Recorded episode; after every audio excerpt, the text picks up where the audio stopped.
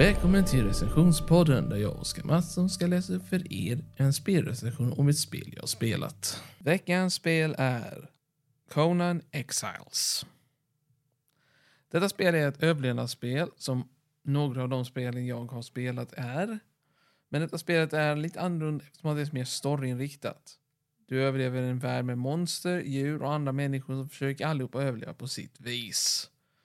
På detta viset är detta ett spel ganska imponerande och samtidigt väldigt brutalt. Ja, om man tänker på det, Conan är en serietidningsvärld som baseras på Suburbia. Eller Burbia, eller hur det uttalas vet jag inte exakt. Jag har inte läst så många tidningar utav honom, men i alla fall. Det handlar ju om dig, överlevare, som kommer att hamna i samma värld som Conan och kommer att försöka behöva överleva i olika kamper. Du har fått blivit fastspänd, eller snarare inte fastspänd, du har blivit uppspikad på ett kors. Så det börjar storyn i alla fall på. Det är det standardspelet.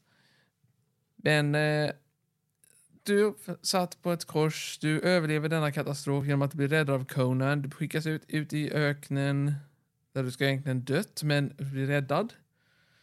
Sen ska du ta dig till ett land som heter Exile Lands. Exile Lands är det närmaste stället du kommer till och du kommer vara fastspänd med ett speciellt armband på din arm. Detta armband ser till att du lever i denna plats och du kommer inte kunna dö. Normalt sett. Det är låren i alla fall bakom det. Du måste alltså överleva detta platsen där det finns sandstormar, regnstormar, blixtstormar, alla olika sorters stormar, väder och liknande. Ni förstår katastrofala väderförhållanden och liknande. Men eh, i detta land så präglas det med svårigheter och bemötande som, med vanligt folk som försöker alla starta sitt eget liv. En stad, eh, byar här och där. Ja, helt otroligt. Och allt är baserat på kulturen från Conan-universumet. I denna universumet så finns det många gudar att välja på. Till exempel, vi kan ta den vanligaste guden som folk kommer välja, Crom. Crom är ju en gud som inte bryr sig ett jävla... Ja, ursäkta svordomen. Bryr sig inte ett dugg om du överlever eller dör. Han bryr sig inte om du dyrkar honom eller ej. Bara att du kommer ihåg att han finns. Det är allt han vill. Väldigt enkelt. Du kan också välja en av de andra fem startgudarna, som nu är sex stycken tack vare en expansion, men han tänker inte nämna i alla fall. Vi har Mitra, guden av ljus och rättvisa, Derkato, guden av lust och död, Set, guden av offer, offer och ormar, Jog, guden av kannibalism.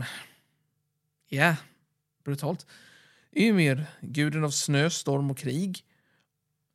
Ja, den andra som jag tänker inte nämna som är expansionsmässigt är en spindelgud. Namn kommer jag inte ihåg för jag har aldrig spelat som denna gud. Än. Men i alla fall. Den sista guden som är ute i världen som du kan hitta är Jebalsag guden av djur, natur och vildhet. Jebalsag är unik eftersom att alla kan hitta denna, du kan inte starta som honom. Jebalsag är också en av de mest eh, ja, brutalaste av alla gudarna eftersom att han tänker på judiska instinkter. Men jäv, jättebra att spela som egentligen om du lyckas få låsa upp honom. Återigen så måste du hitta utvalda gudar, präster och liknande för att prata och försöka kunna hitta dessa. Om du startar med en av de andra gudarna förstås så kan du egentligen välja de andra också, men det tar lite tid. Dock så, rekommenderar jag att du fokuserar på en gud och inte splittrar dig till allihopa eftersom då kommer du inte kunna bygga eller göra något annat eftersom du fokuserar på gudarna, inte något annat. Lite sorgligt. Spelet är också uppbyggt ungefär som Ark, minus vissa saker.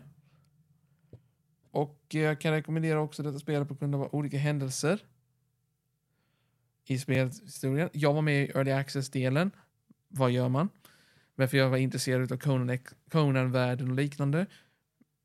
Jag kan också informera att det är lite mer eh, fruktansvärt eftersom att det finns organiska beteenden, slaveriarbete och liknande.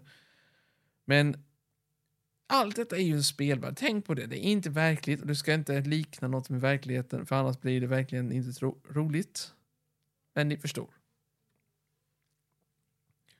Mitt betyg på detta spel blir 8,5 av 10. Men kunde varit 10 om inte det hade varit för små fixer som har faktiskt hänt med tiden.